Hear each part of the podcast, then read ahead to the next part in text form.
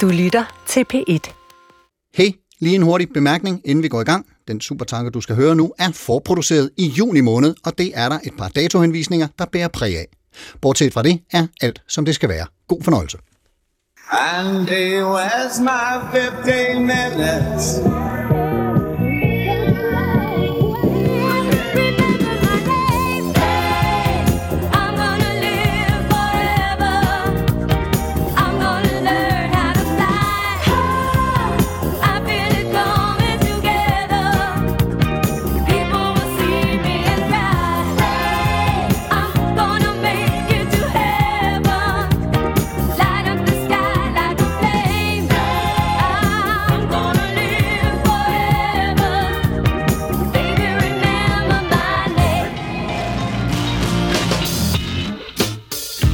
Berømt. Jeg vil leve evigt. Jeg kommer til at flyve højt. Folk kommer til at se mig og skrige. Jeg når himlen. Jeg tænder himlens ild. Jeg kommer til at leve evigt. Så baby, husk mit navn.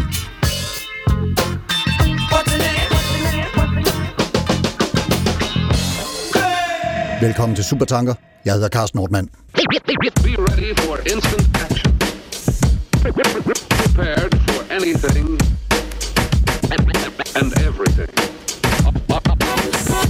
Vi ønsker alle sammen anerkendelse. Vi ønsker at blive set som den, vi er, og mødt med kærlighed og respekt for den, vi er og det, vi gør i livet. I løbet af de seneste, skal vi sige, 25 år, måske lidt mere, er der imidlertid noget, der tyder på, at den, nogen ønsker at blive set som, mødt som og anerkendt som, den de er, er en, der er berømt. Man kan samtidig blive i tvivl om, hvad de er berømte for, udover at være berømte.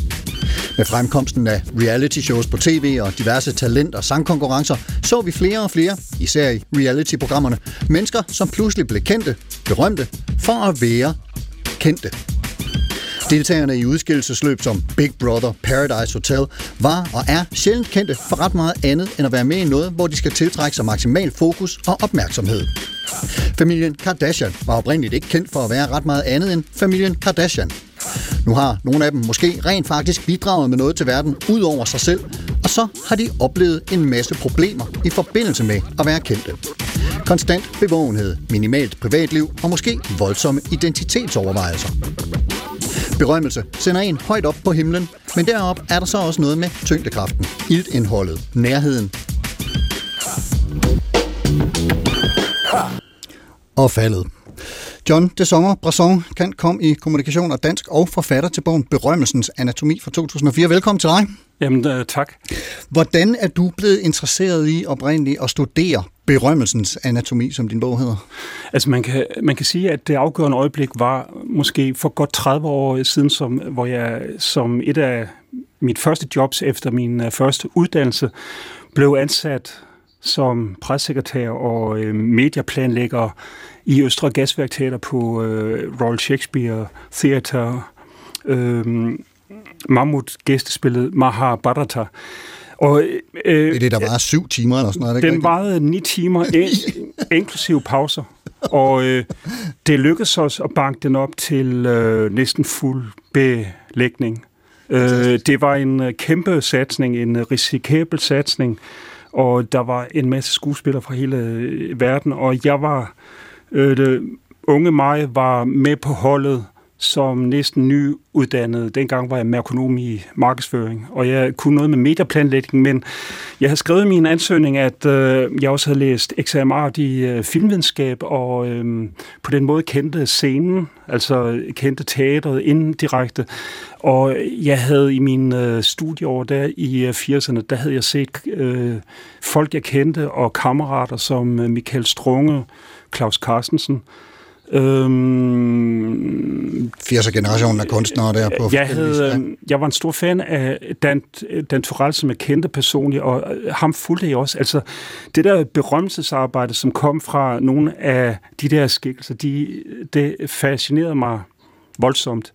Øhm, da jeg kom, kom ind i en Østre Gasværk sammenhæng, så havde jeg et, øhm, jeg havde et øh, vok- vokabularium, jeg kunne tolke det ud fra. Altså, jeg havde min uddannelse, jeg havde de øh, værktøjer, som lå i værktøjskassen fra filmvidenskab fra, fra Niels øh, øh, Brock, hvor jeg var øh, uddannet, og det var så indledningen. Jeg så både teaterverdenen som en magisk verden, hvor der var stor indbyrdes solidaritet og varme. Jeg så det også som en ekstrem konkurrencepræget verden, hvor man øh, havde svært ved at komme ind og meget let ved at komme ud. Men, men, men altså, du, du oplevede så øh, alle de her skuespillere måske på en særlig måde, som gjorde, øh, at, at du, du tænkte, det her det er jeg simpelthen nødt til at studere. Jeg er nødt til at sætte mig ind i, hvad det er for nogle mekanismer, der er på spil her. Var, var der en, en særlig episode, du oplevede i arbejdet med nogle af alle de her skuespillere, eller andre øh, kendte, som, som du var øh, omkring? Som, Jamen, det var, det var muligvis øh, forholdet mellem frontstage og backstage, for nu at referere nogle begreber, som sociologen Erving Goffman øh, så flittigt har, har taget i Ja, som vi kommer anvendelse, væsentligt meget som- ind på. Ja. som, som vi kommer ind på længere siden. Altså, for eksempel min chef Morten Grunwald, han insisterede på at, at hedde Grunwald, og ikke Grundvald, som er Okay. en, en, en for dansk hver øh, af det. Men, men han var som øh, teaterdirektør, var han yderst handekraftig. Han var... Øh, øh, temperamentsfuld af helvede til, og han var dygtig, en øh, dygtig kunstnerisk leder, men hans offentlige persona, hans offentlige image gik jo på den der ejergode Benny fra Benny fra Olsen-banden. Olsenbanden, og på, ja. ja. og på den måde fik jeg de første fornemmelser af, hvilken, hvilket skisma, hvilken afstand der kan øh, være mellem et public image og det folk måske i virkeligheden er. Ja. Preben Christensen, skuespiller, du er med os fra øh, dit hjem op nordpå. Velkommen til dig. Tak skal du have. Øh, du er, hvad man må, må kalde kendt i den danske offentlighed, øh, den danske verdenspresse. Hvor- Hvordan vil du beskrive din kendthed i anførselstegn, hvis man kan tale om det? ja. Hvor lang tid har vi? Øh, Ved du hvad, det er, det, jeg vil sige, det er meget, meget, meget forskelligt øh, på nuværende tidspunkt i mit liv, end, end, end det har været tidligere. Øh, Øh, jeg blev verdensberømt overnight i 1980, og øh, siden øh, er det blevet lidt mindre. Øh, altså i dag kan jeg rent faktisk øh, møde mennesker, som ikke aner, hvem jeg er, hvilket er fuldstændig vidunderligt. øh, jamen det er det faktisk. Altså for unge mennesker især, ikke? De, de, hvem i alverden er jeg? Så så kendt er jeg altså heller ikke. Medmindre jeg fortæller dem, at jeg har lagt stemme til nogle af deres tegnefilmsfigurer, Nå, ja, ja. så kan jeg love dig, så bliver jeg pludselig helt igen. øh, men jo, det er jeg jo. Altså, men, men jeg er jo også i, i, i, øh, på tv ret ofte, ikke? Øh, Ja. så, så det er jo klart. Altså, du blev, som du også selv er inde på, i, i første omgang øh, kendt som en del af sang- og komikertrioen øh, Linje 3, øh, og, mm. og har siden haft, øh, som du også er inde på, en meget respekteret karriere som skuespiller på teaterscener, i film, og så som stemmer altså i blandt andet Aladdin og Toy Story, og muligvis nogle andre, som jeg ikke øh, lige har fundet frem til. Ja, du, du må aldrig glemme lysestagen i Beauty and the Beast. Altså, det, det, Lumière, ja, det er rigtigt. Lumière. Præcis, ja. Ui. Godt. Ja, ja. Hvor du fik at tale med fransk accent, går jeg ud fra. Ja, ja, ja, selvfølgelig. Ja. øh, men det her med at blive skuespiller, øh, hvor- hvordan øh, blev du interesseret i det oprindeligt? Ja, Det, det mærkelige er jo, at øh, det, det har jeg egentlig... Jeg, jeg, kan- jeg kan ikke sige dig, hvordan jeg oprindeligt bliver ikke interesseret i det. Jeg har altid haft det. Faktisk helt siden jeg var en, en, en lille dreng. Det startede med, at jeg ville være films skuespiller. Der var nemlig S på dengang. Ja. øh, det hed films skuespiller. Øh, fordi jeg gik med min bedstefar i biografen, og jeg så alle altså danske film, fordi det var meget strikse med, med, med censur dengang. For hvis det var forbudt for børn, så var det forbudt for børn. Og der var ikke noget at komme efter. Jeg, man, jeg fik ikke lov.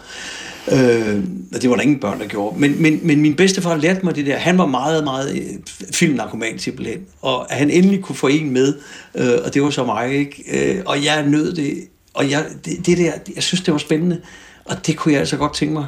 Også, og det blev ved med at være der hele tiden, helt gennem min opvækst. Og så, øh, mens jeg gik i skole, øh, var der noget, der hed, hed Danmarks Skolescene, hvor jeg kom ind og så levende teater, og så var det da helt vildt. Altså, Men, så men hvor, meget, øh, hvor, hvor meget betød det her rampelys, altså den her, hvad skal man sige, forestilling om at blive kendt og vise sig frem og blive ja, berømmet? Øh, hvor, meget, hvor meget fyldte det i, i, Jamen, jeg tror egentlig... altså hvis jeg, tæ- hvis, hvis jeg skal prøve at tænke tilbage, så fyldte det i virkeligheden ikke ret meget. Jeg er blevet fortalt, at jeg altid gerne ville optræde, men at jeg egentlig var lidt flov over det, så når jeg skulle synge for folk, så satte jeg mig ned under bordet, så de ikke kunne se mig. Ikke? Så, så på den måde har det ikke været noget, øh, der, der har fyldt vanvittigt meget. Men det er da klart, at, at senere, da jeg virkelig fandt ud af, at det er den her vej, jeg vil gå, øh, der gik vi da også og jokede med det der, når jeg engang skal skrive autografer og kommer øh, Ja. op på det store lærred og skal med til alle premiererne, øh, så bliver det spændende. Og det paradoxale i det er jo, at da det så endelig skete, så gik jeg ikke til de der premiere, for jeg synes, det var for voldsomt. Og, og, og, og jo, jeg skrev der autografer, selvfølgelig gjorde jeg det, øh, hvis folk bad om det, men, men, men øh, det, det, var, det har aldrig været det, der har styret.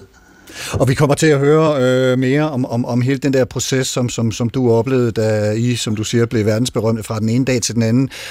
Hvis nu øh, I øh, skal, skal plante en tanke i mig og lytterne, i, som vi kan have med os i den samtale, vi er, er på vej ind i, en eller anden pointe, som det kan være godt at læne sig lidt op af i det følgende. Øh, hvad, hvad, hvad kunne det så være, Preben? Hvad, hvad vil du øh, sige? Tænk på det Jamen, her. altså, når nu emnet er det, som det er, ikke, øh, så, er det første, der kommer til mig, det er den der med, husk og dig selv. Husk, hvad du kommer af. Husk at, at stå med benene plantet på jorden. Øh, det, det, det er sådan set det. Ikke? Men først og fremmest det der med, hvem er du selv? Ikke? Ja. Din John? egen identitet. Mm. Altså, jeg vil, øh, jeg vil her gerne gå et lille skridt videre og pege på de forandringer, samfundet er ude for. Fordi det der med, at man kommer et sted fra og er bevidst om, hvad det er for en tradition, som bærer en øh, øh, op, det er jo vigtigt. Det, det må man ikke glemme. Men øh, samfundet udvikler sig jo nogle gange dramatisk. Altså, når vi, når vi taler om det emne, som vi taler om nu, så, så handler det jo også om, at øh, en stor del af arbejdsmarkedet er forandret de sidste 50 år. Altså går man 30, 40, 50 år tilbage, var tingene mere kollektive. Vi, vi var mere fælles om ting. Der var ikke så stor varietet i alle mulige udbud. Altså, øh, i dag er der ikke de samme loyalitetsbånd i ansættelser, i jobs, i øh, det, man skal leve af, som der var tidligere. Og derfor er flere og flere brancher udsat for konkurrence. Og der må det enkelte individ gøre op med sig selv, hvad er det, vi har med at gøre, og hvad har jeg tænkt mig at gå med til.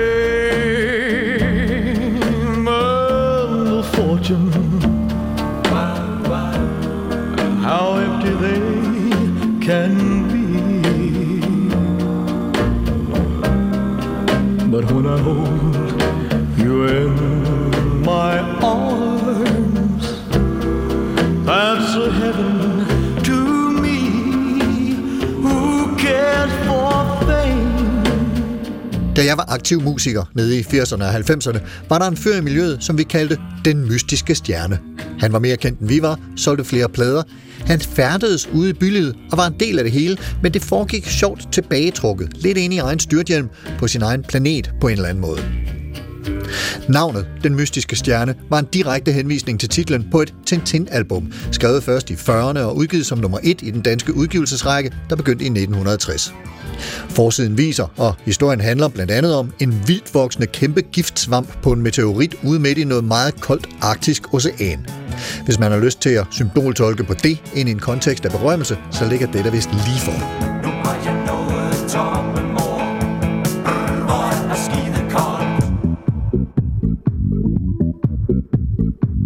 Mange, der når en form for berømmelse, oplever netop, at det er koldt, måske endda giftigt og isoleret, efterhånden som deres person vokser for øjnene af omverdenen.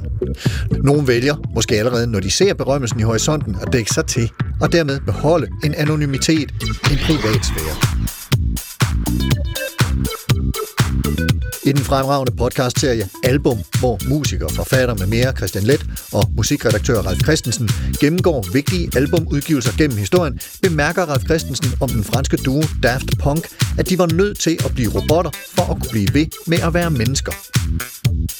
Daft Punk har siden udgivelsen af deres første album, Homework, i 1997 kun vist sig i offentligheden iført blankpolerede, kromskinnende fullface-hjelme, som i kombination med deres maskinelle teknoudtryk trækker dem direkte ind i en robotsfære, skjuler deres personlighed, deres menneskelighed, muligvis for at bevare den.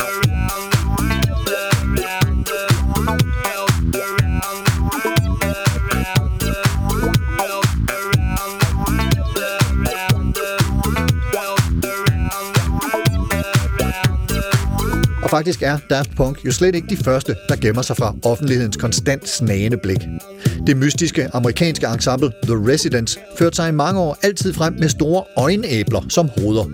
De stirrede ubønhørligt på verden, som ikke kunne stirre tilbage på det.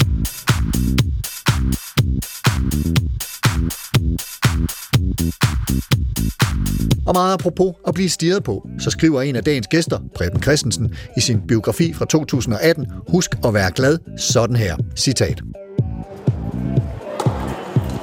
Anders og Thomas og jeg gik ned ad Søndergade med retning mod min lejlighed. Den lå midt på strøget, der var åbnet nogle få år forinden som et resultat af Aarhus' vokseværk. Med hvert nyt menneske kommer to øjne. Og som vi gik der mellem de blanke butiksfacader, synes de øjne pludselig rettet mod mig. Blikkene føltes som snore, der slyngede sig omkring min hals og langsomt strammede til. Jeg fik svært ved at trække vejret og satte farten ned. Jeg bliver dårlig, sagde jeg. Det stak i min arm. Jeg satte mig på en bænk. Anders og Thomas satte sig omsorgsfuldt ved siden af mig. Jeg burde være i en glædesrus. I stedet befandt jeg mig i et mareridt. Er det sådan her berømmelse føles, tænkte jeg. Citat slut.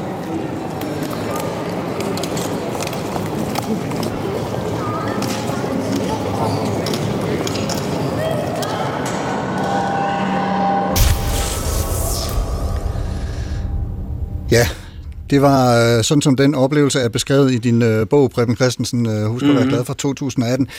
Øh, ja, hvordan er det at høre det her læst op? Jamen, Det, er- det er meget, meget, meget mærkeligt. Nu har jeg, jeg har faktisk selv indlæst den, øh, øh, Nå, bogen, okay, så den er ja. kommet som lydbog så, så, så det var lige så mærkeligt at sidde og, og, og, og genfortælle det. Øh, fordi det var meget ubehageligt, det der. Øh, øh, og, og jeg kan huske, at jeg boede op på øh, tredje sal, eller anden sal var det vist kun, og jeg, jeg kunne næsten ikke gå op ad trappen. Øh, både Thomas og Anders støttede mig nærmest op, og så kom jeg ned og ligge, og vi skulle lave interviews senere, og tænkte, hvad er det dog, der sker her? Det har været regulært dag vil angstanfald. man sikkert Jamen, det, det har det jo været. Ja. Der ville jo have været lavet den der diagnose. Og jeg kunne ikke forstå det vel, fordi der var jo ingen grund til det. Jeg burde jo være lykkelig og glad. Og jeg havde ikke engang set den tv-udsendelse dagen i forvejen. Jeg havde bare... Jamen, altså, jeg mener, Du stod på jeg scenen bare i et øh, obskurt tag, og så stod ikke samtidig med det Ja, ja. ja. Jeg, har spillet, jeg tror, jeg spillede hest. øh, men, men jamen, det gjorde jeg. Og, og, og øh, jeg, jeg blev bange. Det er helt sikkert. Ja. Altså, det, det, det har været for overvældende på en eller anden måde.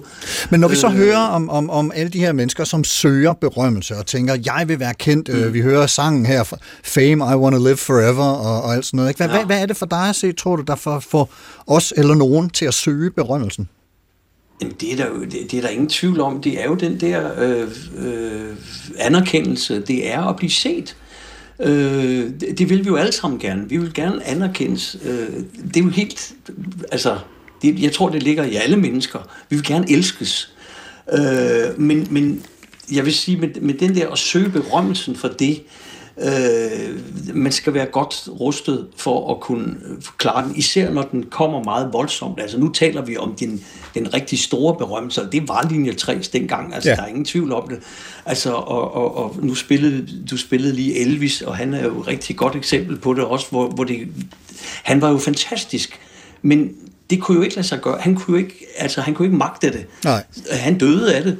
Øh, men, men det handler jo også om, at i det øjeblik, at berømmelsen kommer, og det tror jeg slet, slet ikke, at unge mennesker, der, der, der, der satser på at blive berømte for whatever, aner, hvad det måske kan medføre. Fordi hvis de nu bliver berømt for et eller andet, som de er gode til, så kan jeg love dig, så kommer der en hel masse mennesker, som siger, åh, oh, der skal vi lige have, øh, have snabene ned i den pengekasse, fordi, og så skal vi bestemme, hvad de skal gøre, og lige pludselig, så bliver man nærmest umyndiggjort, øh, fordi der er nogen, der bestemmer over en, og ens tid, ens øh, arbejde, hvad man skal gøre, hvad man skal sige, kommer engang, og hvad man skal en- gå i. Der, der, der- ja, Ja. Og, og, øh, og det, er der, det, det er der, jeg mener, at man skal holde fast i sig selv. Fordi der er sgu ikke andre, der gør det, øh, når, man, når man først står der. Det er der virkelig ikke, og man skal virkelig holde øje med, øh, hvad man skriver under på. Der kommer simpelthen et management ind og kører en rundt i managen der. John, du, du, du øh, markerer, hvad skal Nå, vi men- høre dig om, hvorfor vi søger berømmelsen? Ja. Altså, vi søger berømmelsen. Jamen, altså, Preben har jo sagt så udmærket. Altså, det handler om, om symbolsk udødelighed, at vi et eller andet sted vil, vil øh, blive set, og vi vil vide, at den indsats, vi har gjort, ikke bliver glemt. Det er kort sagt, hvad det her handler om. Det er jo, øh, det er jo så menneskeligt.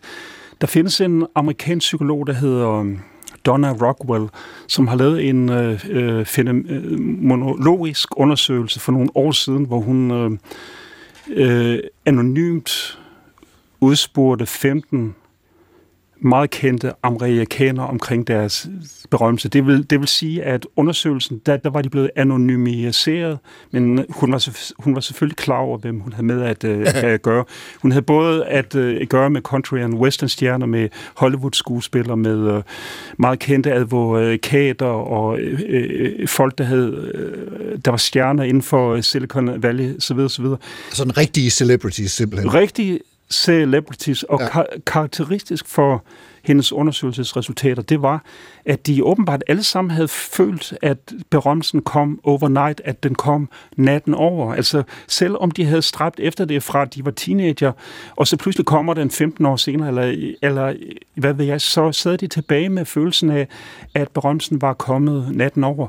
Og øh, meget karakteristisk for dem alle var, at de øh, ret hurtigt havde fået et ambivalent forhold til deres øh, berømmelse, således forstået, at, at de næsten alle, alle sammen elskede de øh, positive resultater af den. Altså det, at man bliver set, det, at man bliver genkendt, det, at man får særlig god behandling på restaurant, natklub, alle mulige sammenhænge. Men ambivalensen bestod jo så også i, at nogle af dem var nærmest blevet paranoide over, at de kunne ikke øh, smyge den der kendthed af sig. Altså, der var nogle af dem, der beredvilligt fortalte, at de havde opøvet adfærd, som de selv kunne se var øh, fuldstændig kunstigt. Det, var- det var sådan noget med ikke at lade sig genkende på øh, gaden, lade som om man var døv, lade som om man ikke havde set en eller anden entusiastisk fan, der lige ville hilse på en. Sådan nogle ting.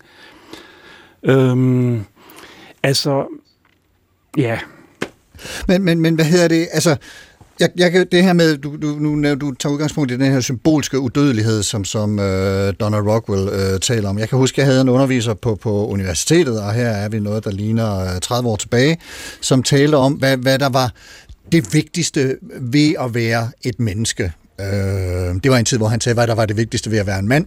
Og det, øh, han sagde, det var, at man skulle skrive en bog, plante et træ og få en søn.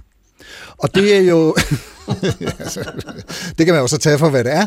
Det var i hvert fald udsagnet. Og, men, men det, der ligger i det, det er, jo, at det er jo, at man sætter sig spor. Altså, man skriver en bog, mm. den lever videre. Man mm. planter et træ, det vokser og, og, mm. og bliver stort og flot. Men man får et barn, Mm. Øh, og, og det ligesom bringer ens gener videre, at, at det er. Så, så er, er det det, øh, John de Sommer Brasson, der ligger i den her øh, berømmelsestræben, den her øh, ja, ønske om, people remember my name, øh, yeah, I'm gonna live forever, Jo, men det er, udødelighed. Jo, men det tror jeg afgjort, det er, men for mig at se, er det ikke helt så... Altså, for mig at se, er det ikke super interessant. Jeg vil, jeg vil gerne gå skridtet videre og kigge på det, folk faktisk reelt gør. Altså, i mit univers, der har jeg accepteret, at mennesker har det på den der måde, at vi rigtig mange af os har en, en øh, lille snært af det, eller en større snært. Altså, øh, øh, jeg, jeg har holdt en del foredrag omkring de her ting, og, og, og, de, og det publikum, jeg normalt taler til, er mere interesseret i, måske branchemæssigt, hvad gør jeg for at øh, slå mit navn fast inden for en afgrænset øh, cirkel. Øh, jeg, jeg, efter at jeg har accepteret, at, at mennesker åbenbart har det på den her måde, så vil jeg gerne gå skridtet videre og kigge på, hvad øh, mennesker reelt øh, gør. Kan, kan du genkende det her, Preben, det som øh, John taler om? Ja, ja, ja, jamen, jeg kan genkende det. Øh, ja, selvfølgelig kan jeg det. Øh, det er fuldstændig rigtigt. Øh, der, der, der, der er sådan en ting, jeg kommer til at tænke på. Øh, det der med live forever, og, og, og man stræber efter den der berømmelse. Øh, man skal bare huske på, at det er jo langt, langt de færreste, der kommer til det. Der er nogle få eksempler på det i virkeligheden. Man bliver berømt. Der er jo, jeg kender rigtig mange eksempler på mange af mine kollegaer, som har været vanvittigt berømte, mens de har levet. Og øh, hvis jeg fortæller nogle navne, altså ovenikøbet kolleganavne, som har betydet rigtig meget for mig igennem min barndom, som jeg, altså, jeg kan nævne altså i flæng, Bodil Kær, Ebbe Rode, Bodil Utsen for den sags skyld, så de, mine yngre kolleger, nogle af de yngre kolleger siger, hvem er det?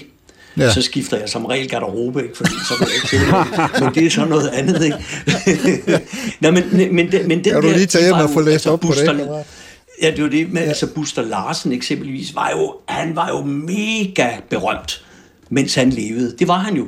Øh, og han er det jo også kvæg Matador selvfølgelig, fordi han spillede grisehandler. Men se, Buster Larsen, øh, han kunne jo handle den der berømthed. Han kunne nemlig godt lide det. Buster så den i øjnene, i modsætning til mig, ikke, som prøvede. Jeg holdt mig væk, øh, hvis jeg kunne undgå det, så øh, kørte jeg ikke i offentlige transportmidler, øh, medmindre jeg havde folk omkring mig. Øh, Øh, det, det var utænkeligt i mange år i virkeligheden. Buster, når han var ude på turné, han gik gladeligt ned gennem gågaderne i, og, og vinkede til folk. Han nød det sammen med sine hunde, og, og jeg beundrer ham i virkeligheden for det, fordi han slap for al den der, øh, alle de der ubehageligheder, der, der, der kan følge med. Og så er der en anden side, øh, øh, som også er en del af berømmelsen, ikke? det er, at der er utrolig mange fordomme forbundet med det. Altså en, en, en, en skuespiller, der bliver berømt, øh, er som regel krukket og, og, og, og, og højrøvet. Ikke? Altså det, det, Ja. det, det skal man, man skal virkelig arbejde på at bevise, at det er man ikke. Nej.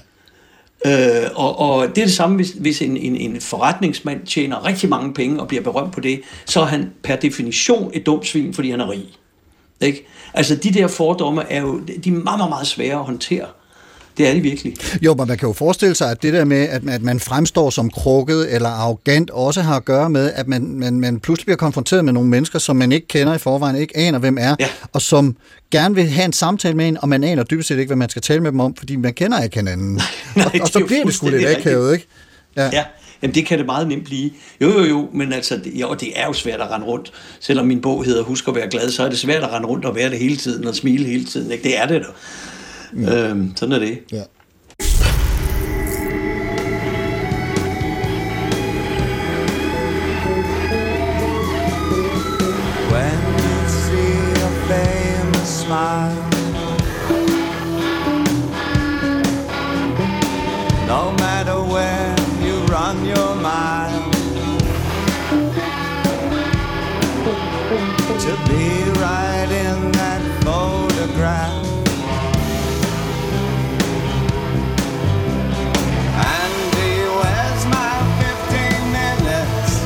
I fremtiden bliver alle verdensberømte i 15 minutter. Udsagnet bliver oftest tilskrevet kunstneren Andy Warhol, som netop beskæftigede sig meget med forbrug og offentlig adfærd og selvfremstilling. Og det optræder netop også i et udstillingskatalog for en Warhol-udstilling på Moderne Museet i Stockholm i 1968. Fotografen Nat Finkelstein påstår imidlertid, at det er ham, der er ophav til udsagnet. I 1966 skulle han fotografere Warhol til en bog, og i løbet af fotoseancen forsamlede der sig en større flok mennesker, som prøvede at komme med på billederne, hvilket fik Warhol til at udbryde, alle vil være berømte, hvortil Finkelstein skal have svaret, ja, i 15 minutter, Andy, i 15 minutter. I dag bliver udtrykket 15 minutters berømmelse ofte brugt om underholdningsindustrien og andre popkulturelle områder, for eksempel reality-tv og YouTube og den slags. Vi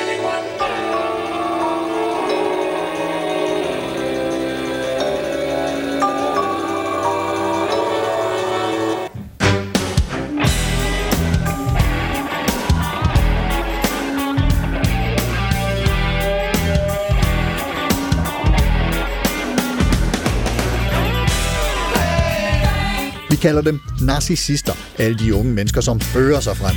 Mig, mig, mig. Se mig til X-Factor, Paradise, konkurrencer på scener og Sydhavsøer. Og sociale medier. Jeg er influencer. Det vil sige, jeg påvirker folk til at købe bestemte produkter ved at uploade endeløse serier af små videoer om mig selv og mine badeværelses, soveværelses, nattelivs, makeup, påklædning, parfumering og ernæringsrutiner. Så ser de mig og ved, hvem jeg er, husker mit navn, og så får jeg en masse sponsorvarer, penge og enorm eksponering.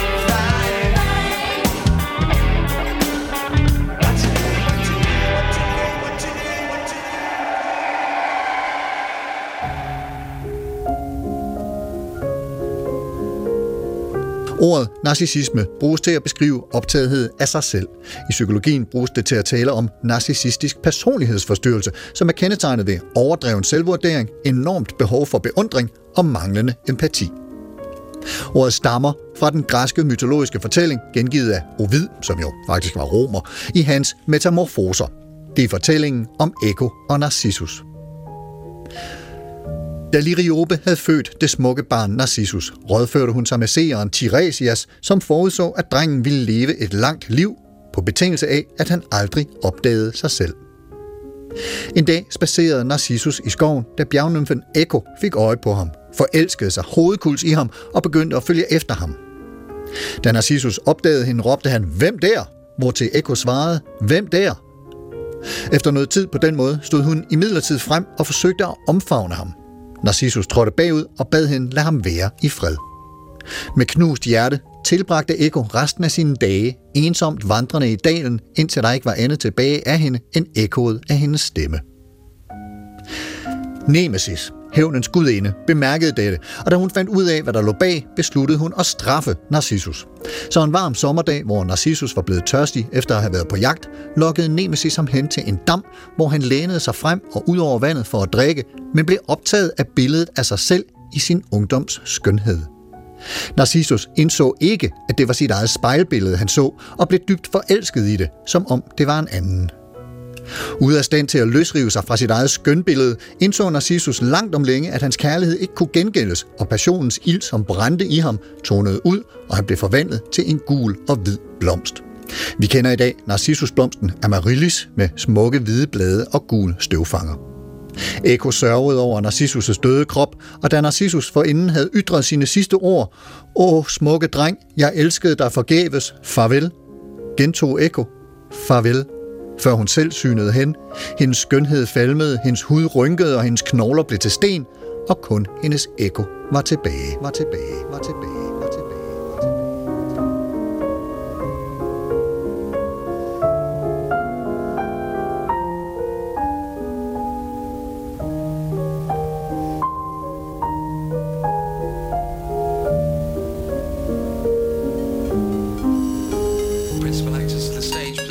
Hvad angår de 15 minutters berømmelse, så vendte den britiske kunstner Banksy Warhols citat om, da han skrev In the future, everyone will be anonymous for 15 minutes.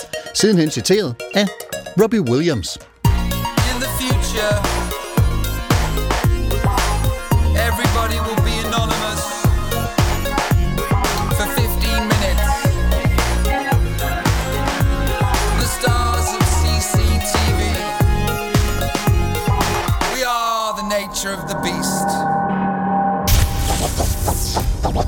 Would you mind saying that again? Kendt, mit liv vil vare evigt. Jeg flyver højt, oplyser himlen, men vil huske mit navn. Men vi ser også kendiser gøre mere skade på sig selv end gavn. Vi ser Whitney Houston knække og dø af det. Britney Spears i et umyndiggjort limbo og med voldsomme udfald mod både de konstante paparazzier mod sin egen poppersona. Og vi ser prins Harry og Meghan, tidligere engelske royale, som åbner deres meget personlige fortællinger om svigt, racisme og selvmordsovervejelser for den mediemølle, som er blevet en del af deres raison d'être, måske ligefrem deres claim to fame, og som samtidig er den, der til at begynde med var en del af et helt enormt pres på deres liv. Samtidig ser vi mennesker søge berømmelse, og gerne lidt hurtigt, som aldrig før, for at opnå hvad? Den her stræben efter berømmelse, efter at være kendt for kendthedens egen skyld, øh, ikke nødvendigvis for at gøre noget eller have gjort en forskel, som man er stolt af og som er kommet andre mennesker til gode, men øh, som simpelthen er til for at kunne sole sig i kendtheden. Øh, Prem Christensen, hvad vil du mene, øh, det betyder for ikke mindst dem, der søger den øh, berømmelse, men også alle os andre, altså at det er Øh, ja, man søger den her kendt for at være kendt, og ikke fordi jeg er en skidegod skuespiller, en fantastisk musiker mm. eller billedkunstner, men jeg vil bare gerne være kendt. ja, men jeg kan ikke lade være med at, jeg kan ikke lade være med at, at, at, trække lidt på smilebåndet, og samtidig synes jeg, at det er vanvittigt uhyggeligt, fordi det er jo, det er jo på en eller anden måde kendetegnende for den tid, vi lever i. Vi lever jo den der øh, periode, jeg plejer at kalde det me first generationen, øh, fordi det er jo det, det, det handler jo hele tiden om mig, mig, mig, mig, mig, ikke? Øh, og det, det er jo derfor, jeg tror, at de der mennesker, som, som stræber efter at blive kendte, for at blive kendte, øh, jamen det er kun for at, altså for at få opmærksomhed, mm. og ikke en dyt andet. Øh, og det må, altså i virkeligheden for mig, øh, må det være vanvittigt tomt, Ja. øh, og ikke have andet end at få likes.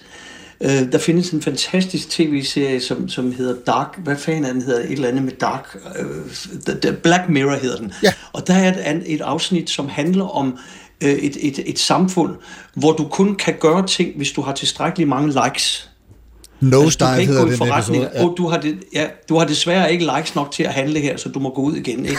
Og hvis du kommer til ikke at smile til en på gaden, så ryger en af dine likes. Ikke? Og det er en, det er en virkelig, virkelig uhyggelig øh, øh, episode, og som, som alle unge mennesker, der vil være berømte, burde sætte sig ned og kigge på. Ja. Øh, fordi den er så kendetegnende for, for, for, for vores tid. Og John, det som Øh, det, og- det, Preben, ja, undskyld, øh, det Preben han siger her, Nej, John, det, det, det øh, passer jo ret godt ind i det, du talte om tidligere med, med arbejdsmarkedet og individualisering og, og væk fra det kollektive, men snarere en, en fokus på mig, mig, mig, hvad kan jeg, og hvordan kan jeg føre mig selv frem i, i, i det her? Altså, hvad, hvad er der for dig at se af fordele og, og ulemper ved det liv, som, som øh, mennesker af en vis øh, kendthedsfaktor eller berømthed øh, opnår og lever?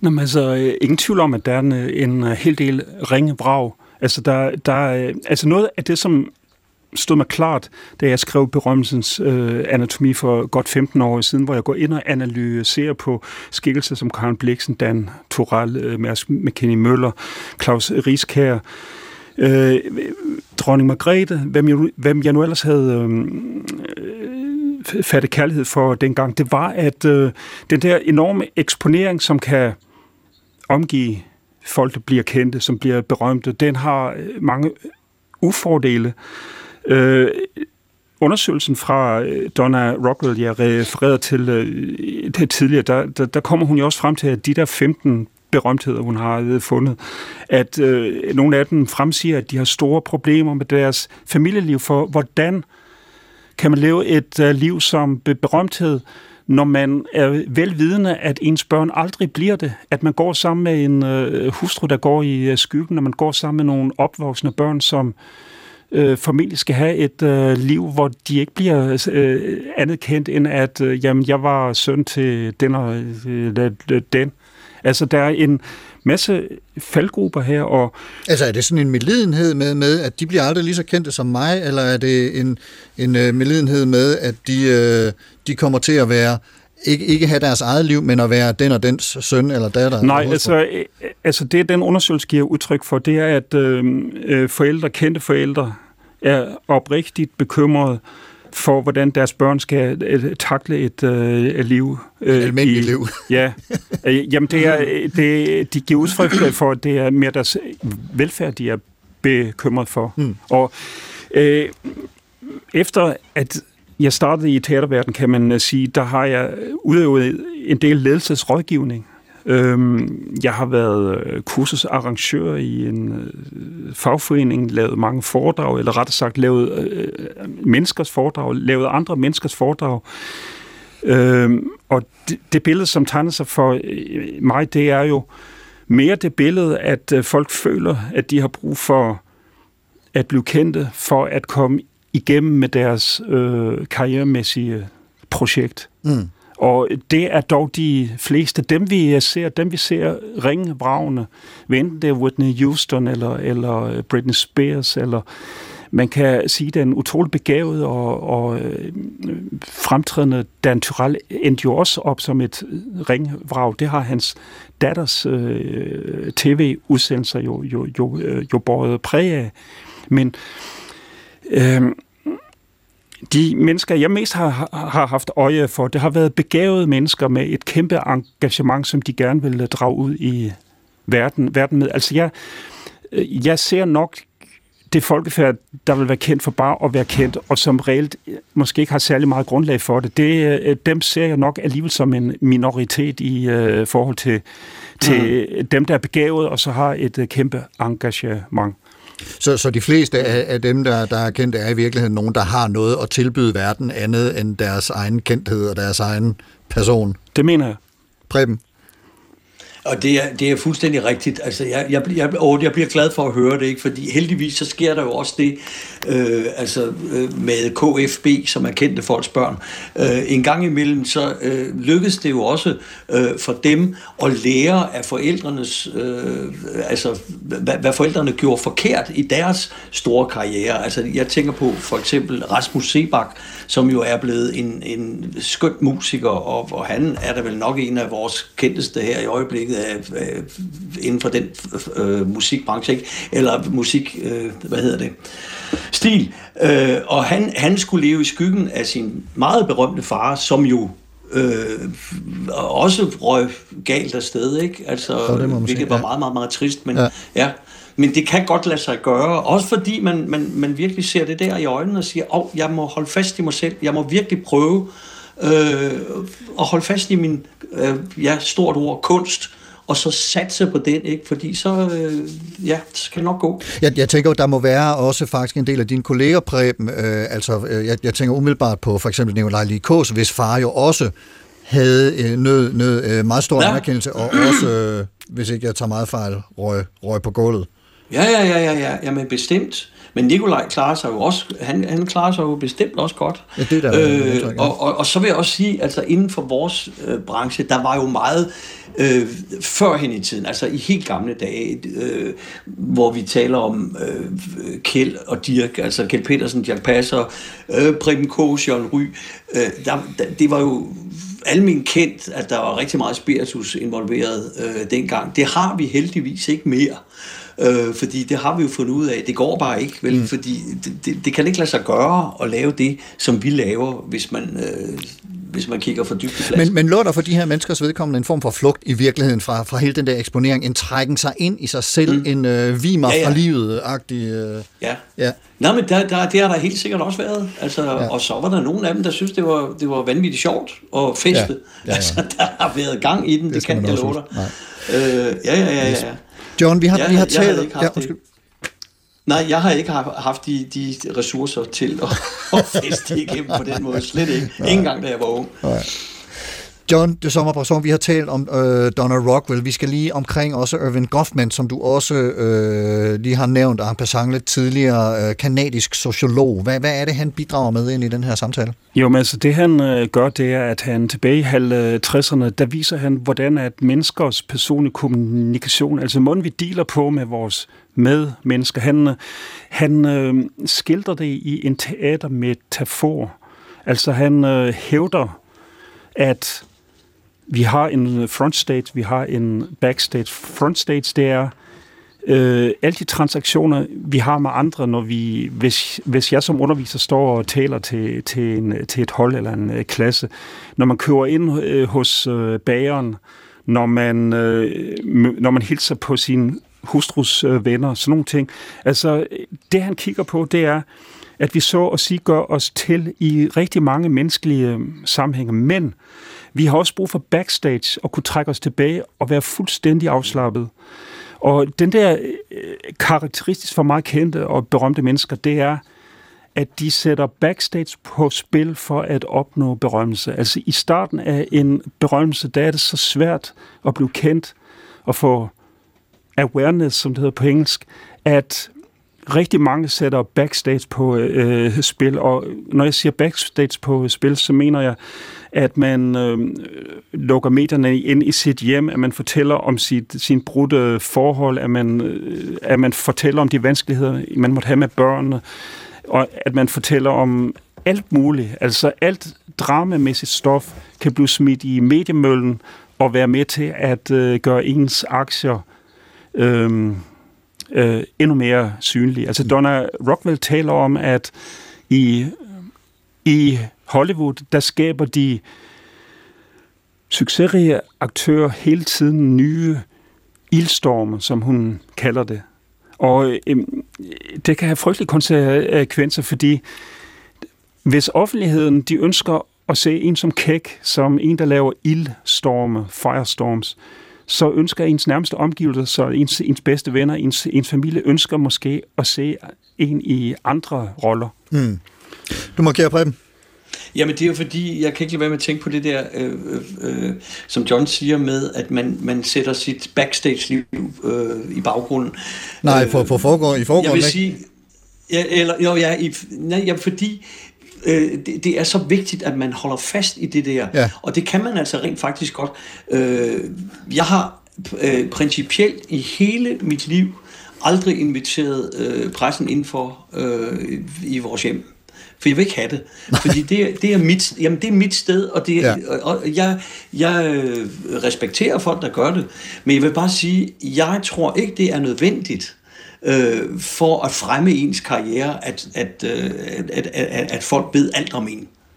Og jeg, jeg kan bruge Ove Sprogø som et øh, fremragende eksempel. Han gjorde det heller ikke. Og Ove var altså også rigtig god til at køre på cykel på arbejde, eller tage bussen. Og, altså, men han var jo stadigvæk en kanon øh, dygtig skuespiller.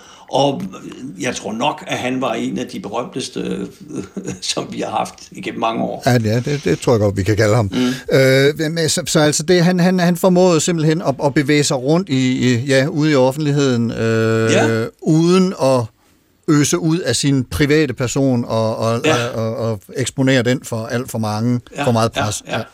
Men, men det er jo svært, altså jeg, jeg kan da også godt følge det der med, det er da svært, når når øjnene bliver rettet mod en. Det er da meget svært ikke at lade sig rive med af øh, nærmest den der rus, som, som, som berømmelsen giver. Øh, og de der ekstra fordele. Jo, du kommer nogle gange foran i køen, og, og, og det kan da også godt medføre sure blikke for andre mennesker, naturligvis. ikke. Og det er jo heller ikke altid rimeligt.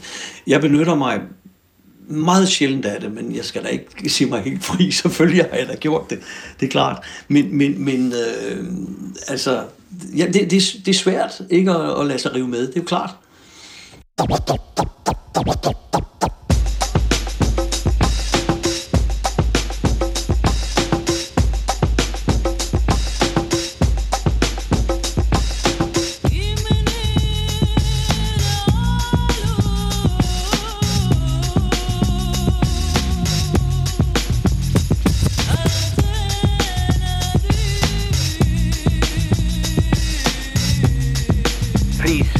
Would you mind saying that again? Thinking of a master plan.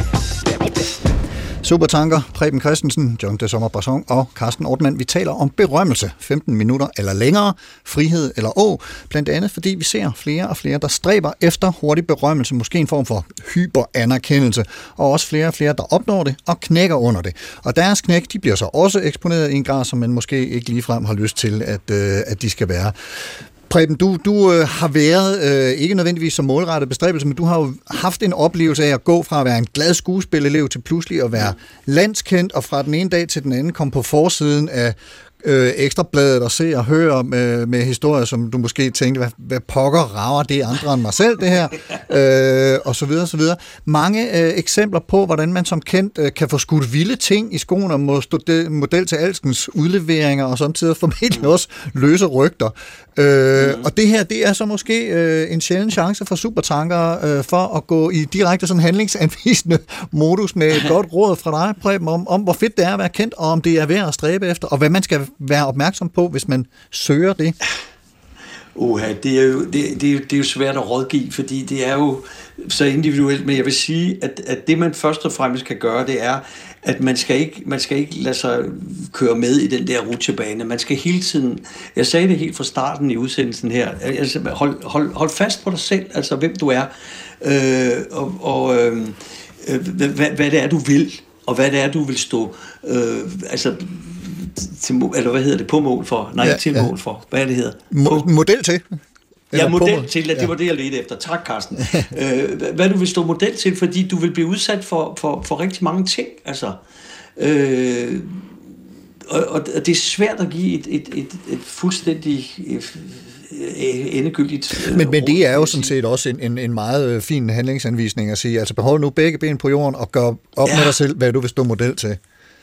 Ja, John de Sommer det er dine analyser øh, og i din bog her, hvad, hvad, hvilke, hvad, hvilke overvejelser peger de på, man bør have i forhold til at blive en øh, ambitiøs kendisaspirant?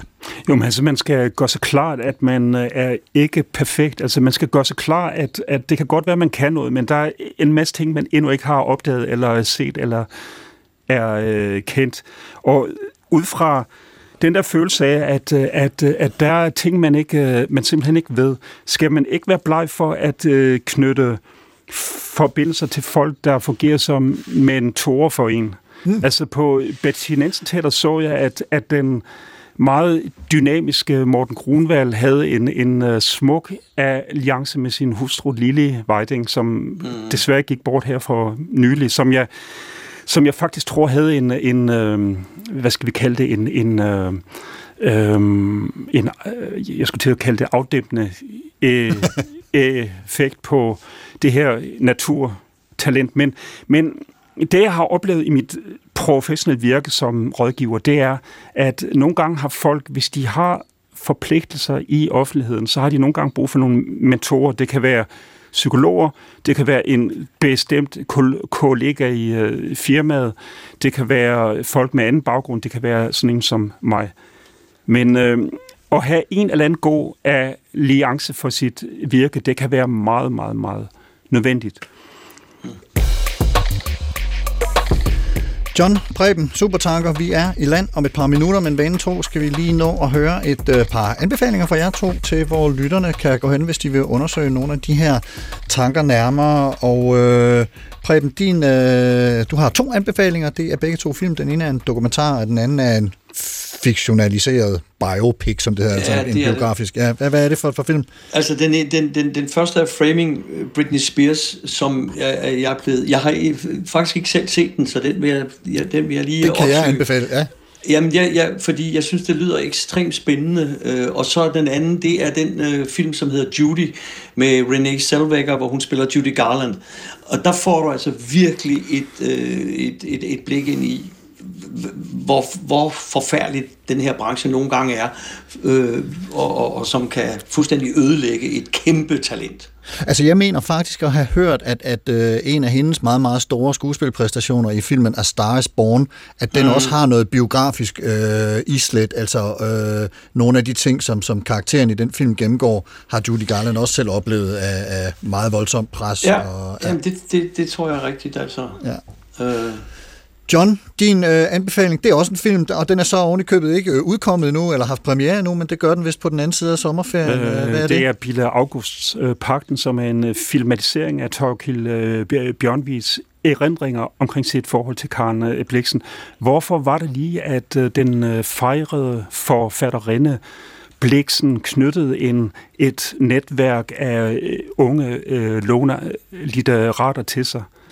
Altså, det, det er for mig at se grundspørgsmålet i øh, hele den der skildring. Altså, min påstand går på, at øh, Bliksen blev venner med en kreds af entusiastiske unge mennesker, som var meget yngre, fordi hun ville have sit budskab uddødeligt uddødeliggjort, og de her dengang unge mennesker, de blev alle tiders amb- ambassadører øh, for, hendes, øh, for hendes sag, men det havde øh, store menneskelige omkostninger, og det øh, tror jeg, man kan, man kan lære noget om i øh, Bille Augustes øh, film. Som altså har premiere til hvad, august, september? Øh, 5. eller noget? 5. Af, øh, 5. august. august ja. Yes. Og så vil jeg da lige benytte lejligheden til også at, hvad skal man sige, øh, understrege eller, eller støtte op om Prebens anbefaling af den her Fairings Britney Spears. Øh, Jeg har set den, og jeg synes, den er fremragende. Der er selvfølgelig ting, man skal være lidt kildekritisk overfor, som det altid er med de her dokumentarfilm, men den er øh, rigtig fin. Og lige nu, øh, eller øh, hvad hedder det, i, her, i juni måned, var der jo rimelig meget gang i øh, retssagen omkring øh, mm.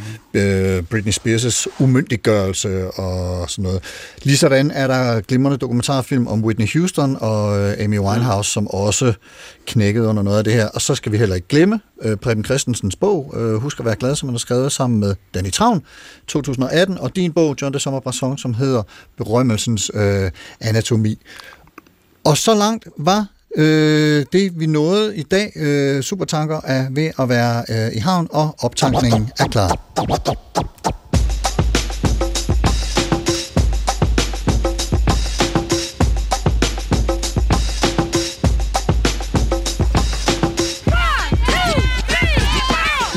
Preben Christensen, skuespiller, tusind tak, fordi du var med til at udvide Jamen. vores forståelse af berømmelsens for- her.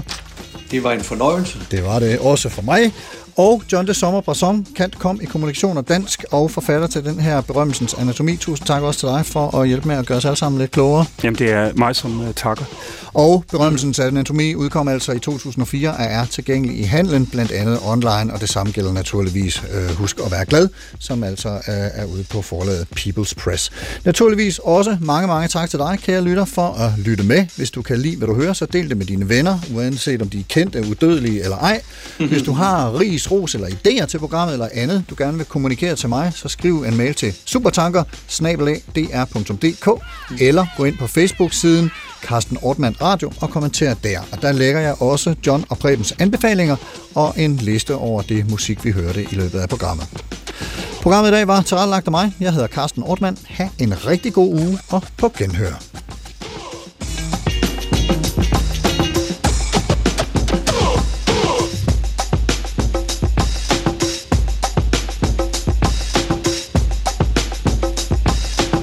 Thinking of a master plan.